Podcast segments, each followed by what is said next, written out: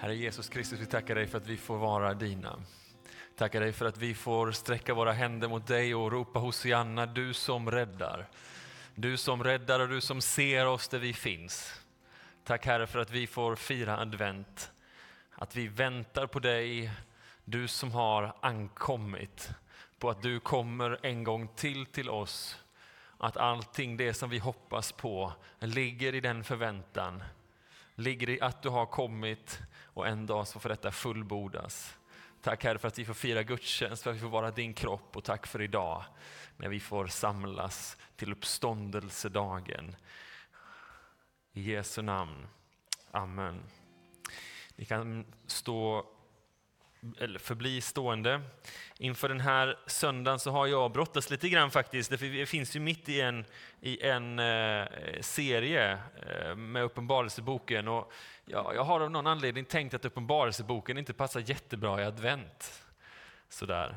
Så läste jag den här texten och så tänkte jag, jag fick det verkligen bekräftat. Det här passar inte alls bra i advent. Men sen så läste jag om den här texten och så började jag studera den lite grann och så tänkte jag, det här är en adventspredikan. Du får väl se efteråt om du håller med eller inte.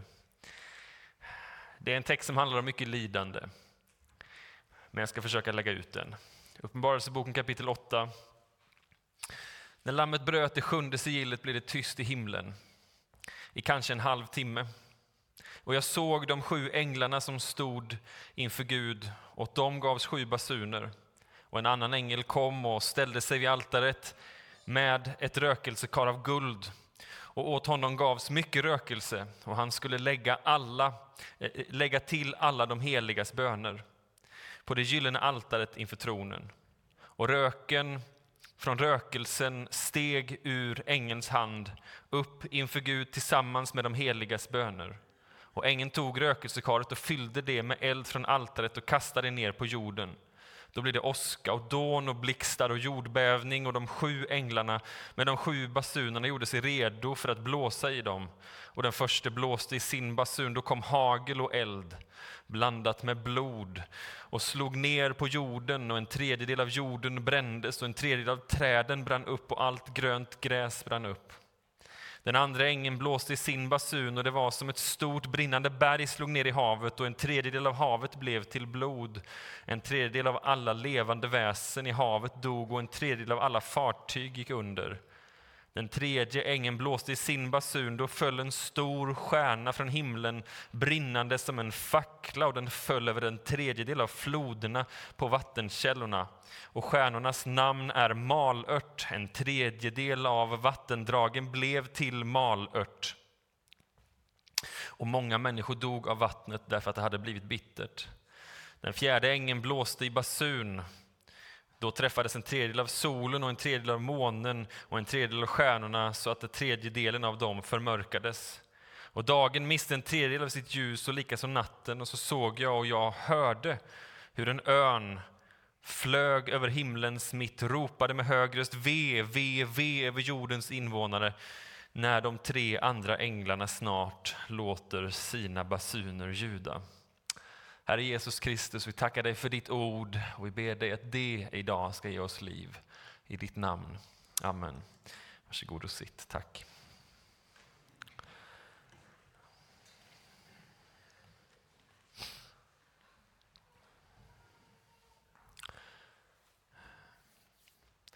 Så här i jultid så är det väl ingenting som vi önskar mer än julefrid. Den där julefriden, jag vet inte riktigt var den är någonstans. Dels kan man ju se runt i, i liksom världen och undra hur mycket julefrid det är just nu runt i världen. Alla de konflikter som vi bad för alldeles precis. Frid, fred, båda ryms i ordet shalom.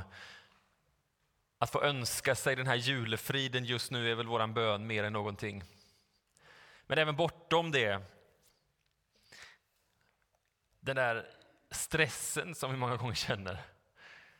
Det, det, är ju liksom som att vi känner den lite extra i advent. Jag vet inte om det, det, det gäller, gäller dig, men, men som barnfamilj med, med, allt det här, alla julklappar som ska köpas, det är typ varje varje dag så, eh, så, så, säger Linn, med rätta, hon har inte fel, vi borde köpa julklappar. Det är snart för sent. Posthanteringen är långsam. Ja, men det finns andra saker som också behöver göras, och det finns liksom sådär. Så det är som att det där livet som är ganska pressat i vanliga fall blir liksom ännu mer pressat i advent. Och det är som att när vi ska boka in ledningsmöten eller vad det nu än är här i kyrkan. Vi vet att det är svårt i december för då händer liksom många saker. Det är julfirande och det är adventsfika och det är Lucia-kalas och det är det ena med det andra och man ska gå på åtminstone tre julbord. Mycket av det här är roligt men det är mycket. Ibland är det nästan så mycket så att man hinner passera jul först det att man lite grann känner julkänslan och julfriden i mellandagarna. Och så tänker jag att, att, att vi kanske tänker att mycket per definition är ett bra ord. Alltså det är mycket nu kan vi säga. Och, och, vi vet att vi säger det som att mycket inte vore bra. Alltså det är mycket nu, det är lite stressigt. Men, men ändå säger vi det lite grann som att det är mycket just nu betyder att jag behövs. Folk vill ha mig till väldigt mycket, så jag är ganska viktig. Skulle man säga nej, men jag har inte så mycket att göra just nu, så betyder det det är inte så många som behöver mig just nu, därför är inte jag så viktig. Så vi ser till att ha ganska mycket att göra, därför att det är viktigt för oss att behövas. Hur man än jobbar så är det som att det alltid finns mer att göra. Som att kalendern alltid fylls på. Det är svårt att jobba undan och komma till den punkten när man känner att det inte finns någonting att göra. Det här är ju bara livspusslet i allmänhet. Men så finns det de här större frågorna. Där det liksom finns en oändlig massa saker där vi skulle kunna kliva in och göra massa saker. På en av skolorna där jag jobbar just nu så har man haft en eh, vecka där man har gått igenom hur det ser ut för klimatet. Alla har suttit och lyssnat på föreläsningar och jag har lyssnat på det där också. Och det ser inte bra ut. Det ser riktigt dåligt ut. Och man inser om inte vi gör en väldans massa saker, inte bara jag, inte bara du, utan alla människor och alla länder, så, så ser det inte bra ut. Temperaturen ökar, kriserna radas på varandra och klimatkonferens efter klimatkonferens misslyckas.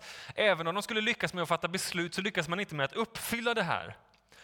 Yngre har ju skolats i det här, får med sig det här. Och det har ju kommit upp någonting som kallas för eh, klimatångest. Och som svar på klimatångest kommer ett nytt yrke, nämligen klimatpsykolog.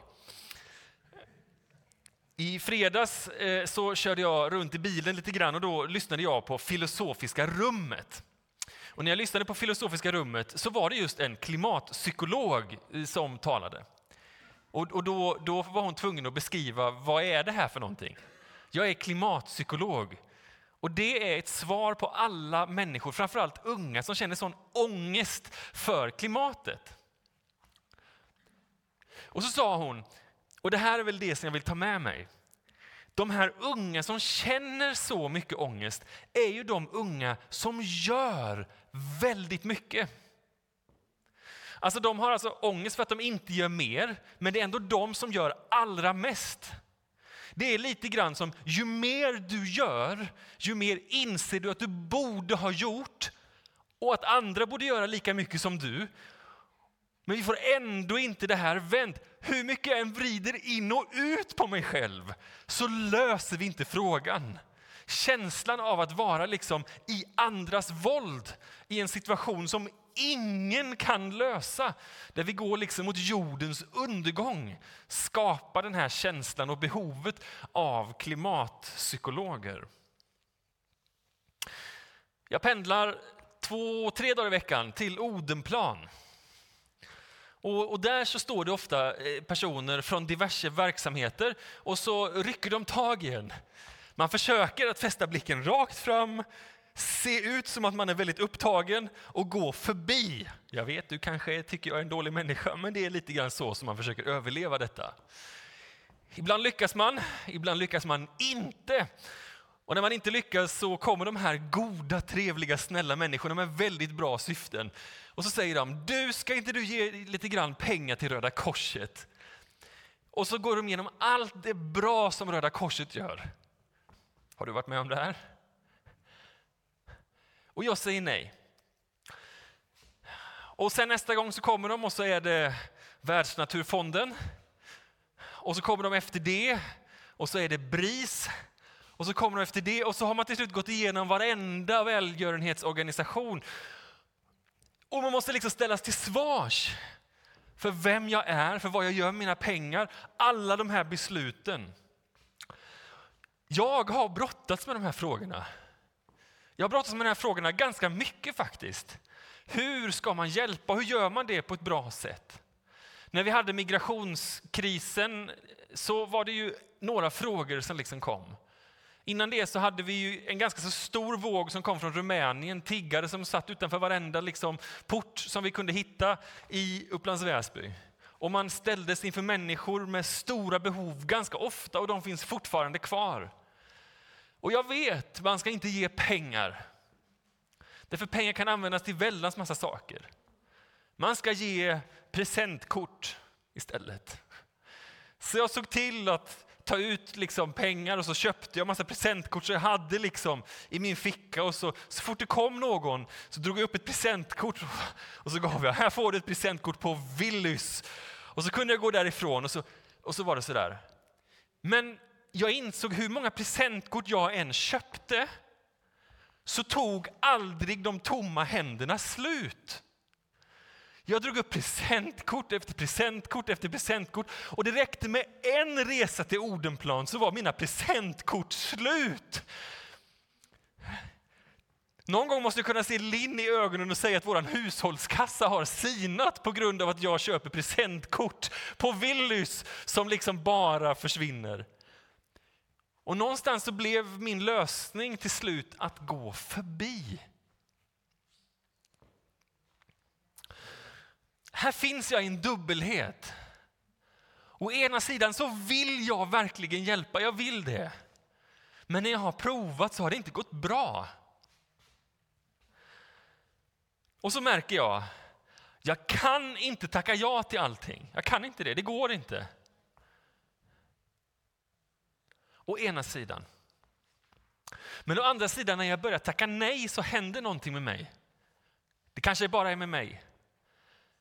Men jag börjar fästa blicken rakt fram. Jag slutar att se människor med behov. Förstår ni vad jag menar? Att aktivt undvika människor.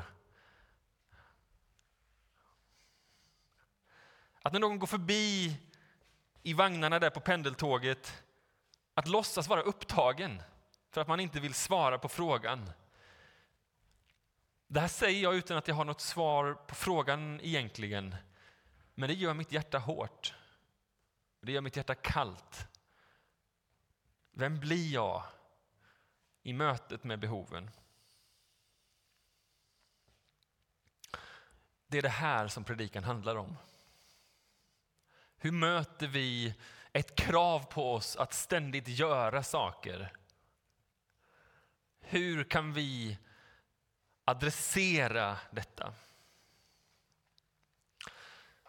Tidigare i vår serie Uppenbarelseboken så har vi tagit upp väldigt mycket.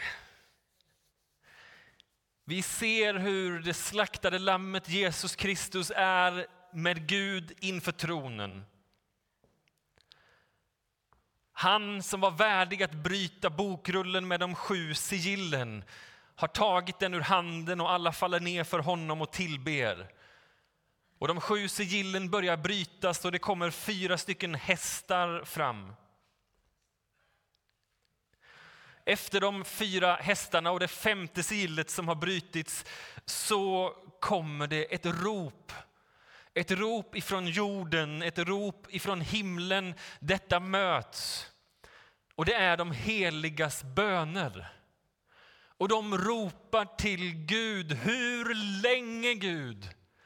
Hur länge tills det att du svarar på våra böner? Hur länge Gud tills det att du låter våra bönesvar liksom vänta? Vi har ropat till dig dag och natt. Människor i den förföljda kyrkan har dödats inför dig och vi ser inga bönesvar. Hur länge? Och svaret från tronen är ännu en liten stund. Ännu en liten stund ska det dröja. Vi kommer fram till kapitel 7, det var det vi talade om för ett par, tre veckor sedan. Vi ser de 144 000 i himlen, det är Israels stammar och detta representeras i den oändliga skara som är församlingen och då de här två delarna egentligen är samma sak. Jesus Kristus har utbrett Israel till att bli församlingen och vi står inför en stor församling som är kallade in i Kristus. Och nu så har vi kommit till det sjunde sigillet som bryts. Och när det sjunde sigillet bryts här i kapitel 8 så händer någonting. Och det är egentligen det jag ska tala om idag. Det är helheten av predikan. Det blir tyst i hela himlen. Jag vet inte om du har varit med och haft någon tyst minut. Ibland så blir det tysta minuter, det är någon som har dött eller någonting hemskt som har hänt. Och så är man tyst. Den minuten känns ju som en evighet. Man står där och tänker, hur, hur, hur lång kan en sekund vara? Efter de här 60 sekunderna så inser man att det räcker liksom för att få respekt. Jag kommer ihåg efter 11 september då World Trade Center föll och det var som att hela världen hade en tyst minut samtidigt. Jag kommer ihåg det. För att den tysta minuten gjorde någonting med mig. Här i kapitel 8, vers 1 så är det inte bara en tyst minut utan det är en tyst halvtimme i himlen. Och idag ska vi tala om vad den tysta halvtimmen står för. Sen kommer det trumpeter och därefter kommer det skålar. Men det ska vi tala om de kommande veckorna.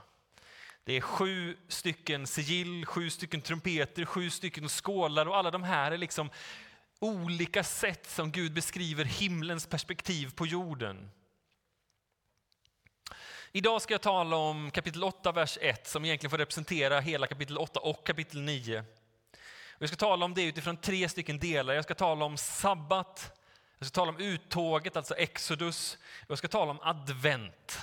Sabbat, uttåg och advent som tre perspektiv där vi använder den här versen.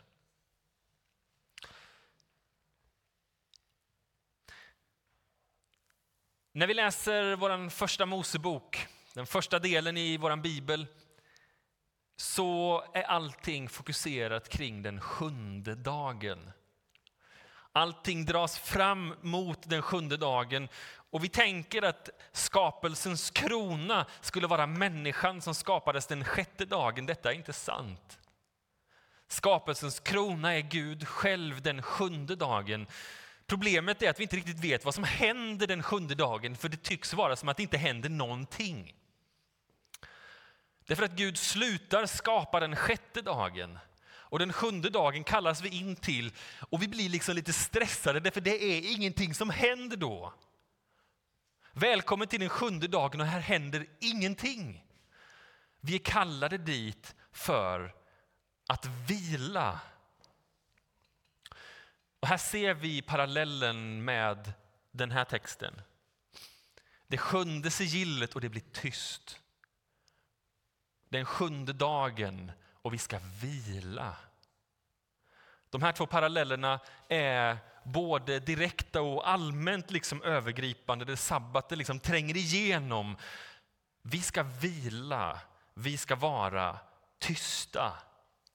Det ligger någonting i det här, men sabbatsbudet behöver vi förstå för att kliva in i den här texten. För det första skulle man kunna säga att den är ju helt knäpp utifrån dåtidens sätt att se. Det fanns ingen ledighet då. Det fanns ingen, ingen liksom jobba fem dagar, vara ledig två dagar. Man jobbade sju dagar för att man behövde sju dagar att jobba för annars fanns det ingen mat på dagen.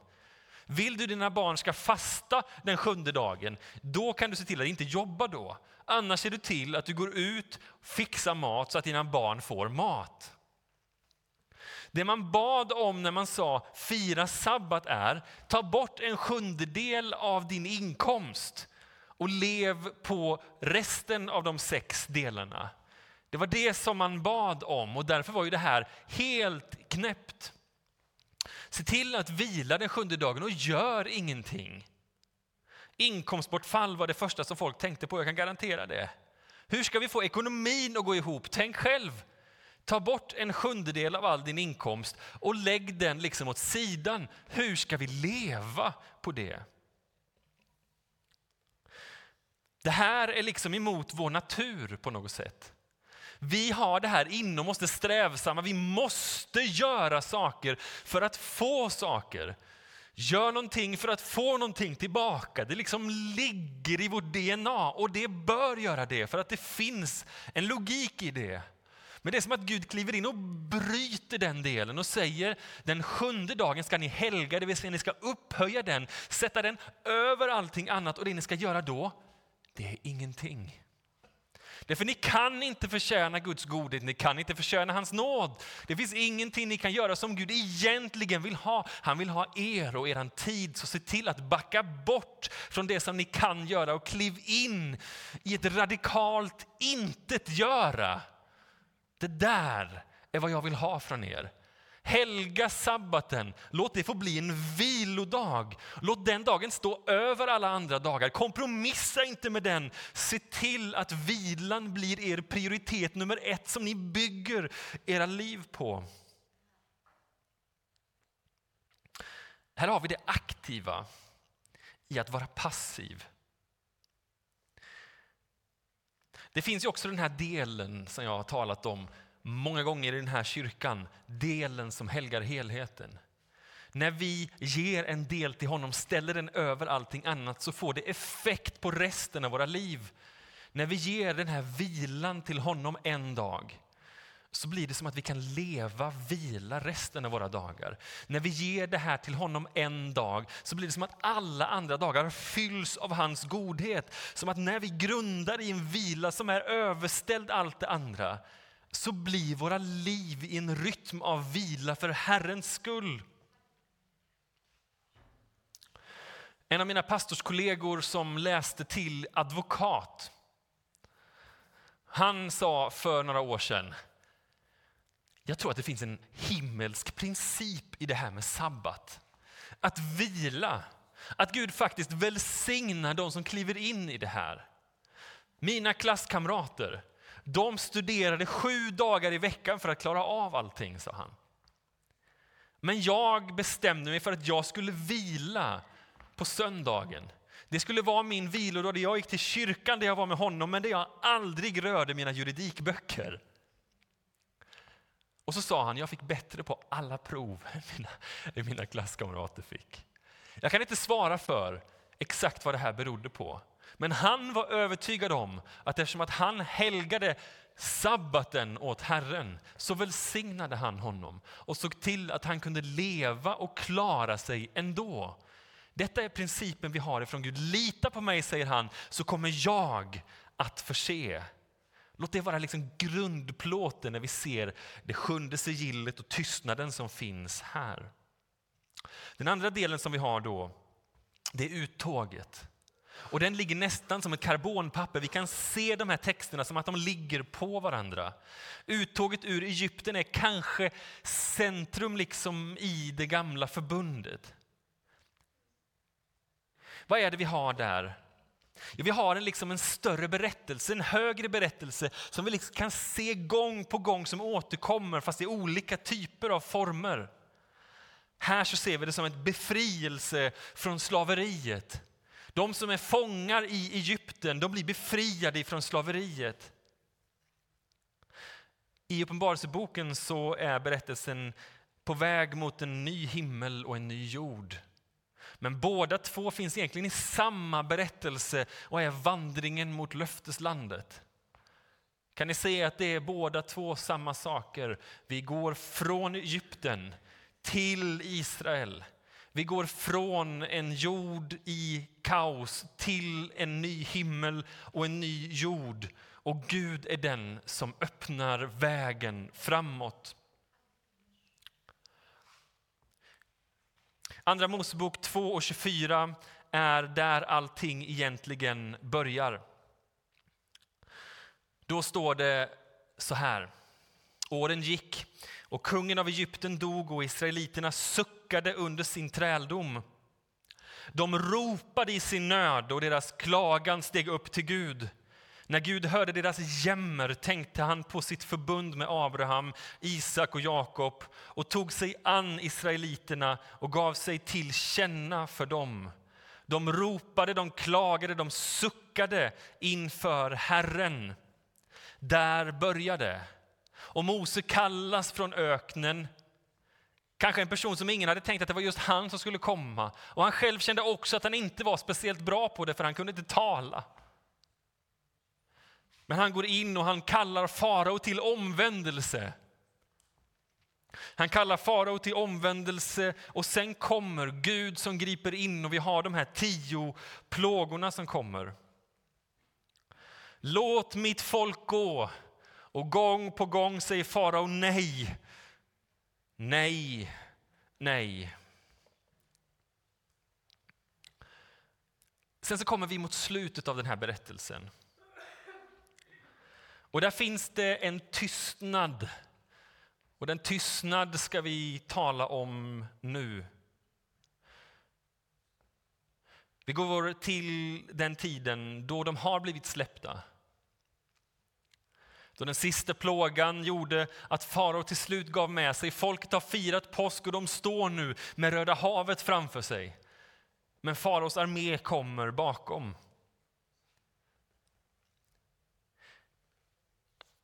Bad vi inte redan, redan där, att du skulle låta oss vara i fred och låta oss tjäna egyptierna? Hellre träla för egyptierna än dö i öknen. Moses svarade, var inte rädda, stanna här. Idag ska ni bli vittnen till den seger som Herren vinner åt er. Ty så som ni ser egyptierna idag ska ni aldrig någonsin se dem mer. Lyssna nu. Herren ska strida för er och ni ska vara tysta.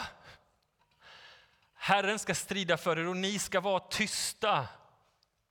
Egentligen så har vi två stycken tystnader som kommer här.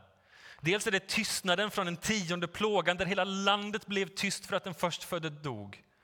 Och sen har vi tystnaden som sker när havet öppnas.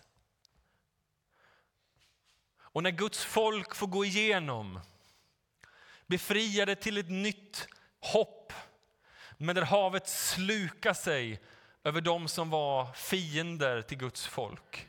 Där har vi en dubbel tystnad.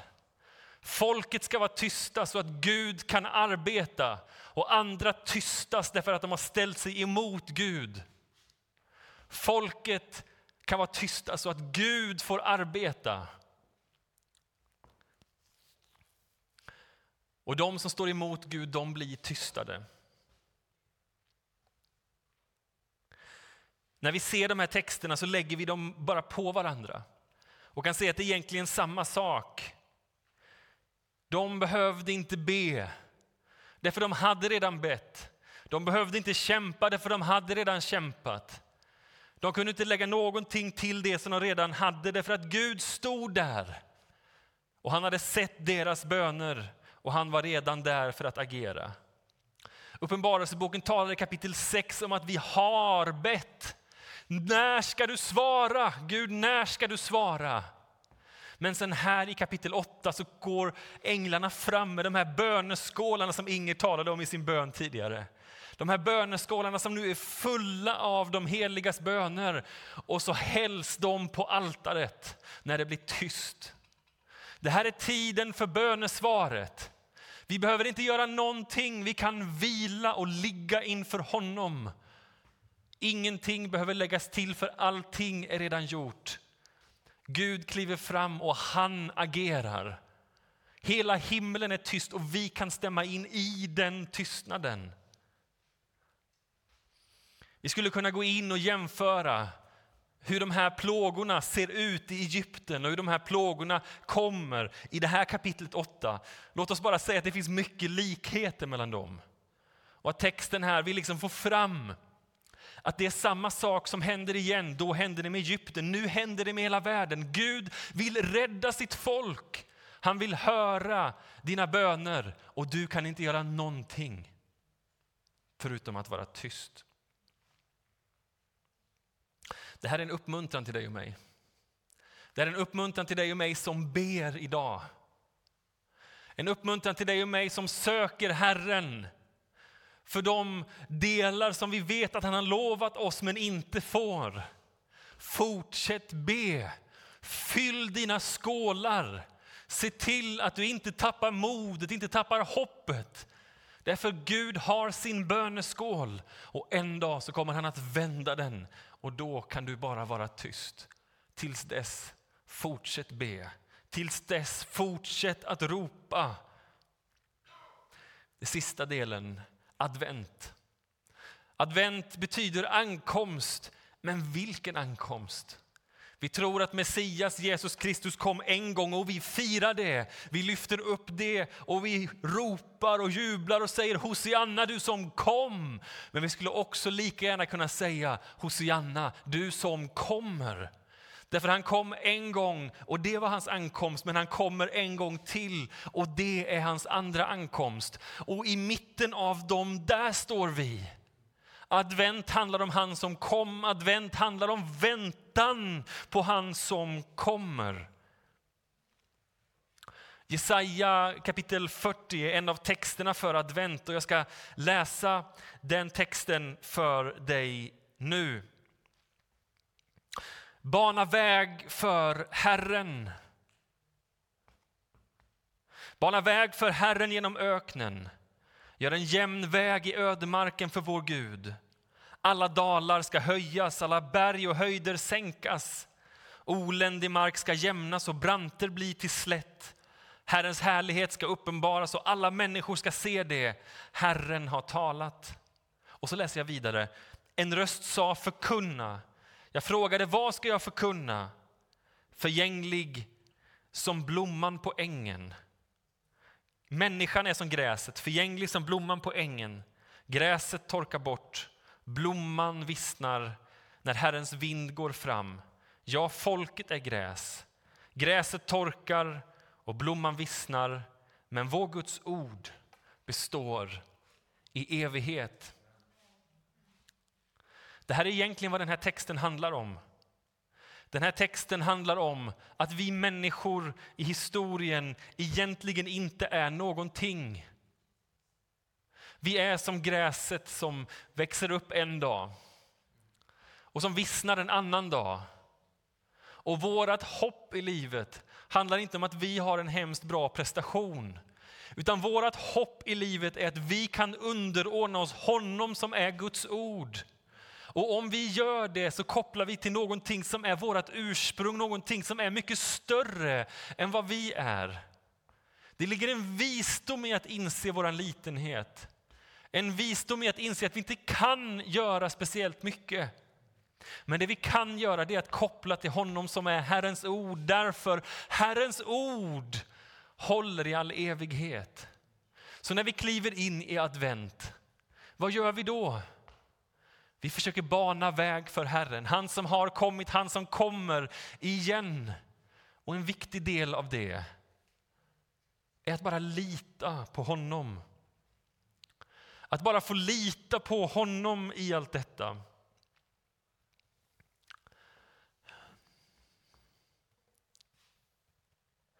Du vet,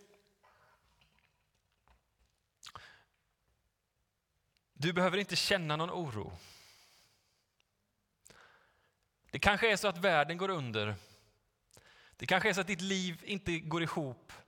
Det kanske är så att mycket av det som känns runt omkring känns som att hur ska det här gå? Men Gud säger till dig, Jesus Kristus säger till dig, känn ingen oro. Jag har dig i min hand. Våga lita på det. I all den liksom, turbulens som vi finns i i världen. Där vi undrar vad som ska hända. Tonåringar och ungdomar som växer upp just nu och som känner hopplöshet. Vårt budskap är än en gång till dem. Känn ingen oro. Låt oss visa det genom våra liv. Genom hur vi pratar och hur vi tänker och hur vi agerar. Att vi kan kliva in och säga vi ber, vi arbetar och sen är vi tysta. För det handlar inte på mig, för jag är gräs som försvinner. Men Herrens ord står fast i evighet.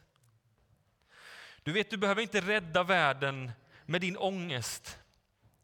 Vi behöver säga till människor, du behöver inte ha vare sig klimatångest eller ångest för någon annans skull. Du kan inte rädda världen. Låt oss bara inse det, du kan inte rädda världen. Inte ens vi gemensamt kan rädda världen. Men vårt hopp och vår tro är att det finns en som kan det. Och vår förkunnelse måste vara, vi kliver tillbaks. Vi håller fast vid honom, för han kan rädda världen. Han har kommit en gång, han kommer en gång till och vi bereder en väg för honom. Var stilla. Du kan inte säga ja till allt. Du behöver inte heller säga nej. När de som kommer kommer där och vill ösa över dig all välgörenhet som finns, du kan inte säga ja till det. Inte allting, vissa bitar. När de kommer till dig behöver du heller inte säga nej. Du behöver heller inte ta bort din blick. Du kan se på dem. Du kan se på dem och du kan vara tyst och säga Gud välsigne dig. Gud förbarma dig.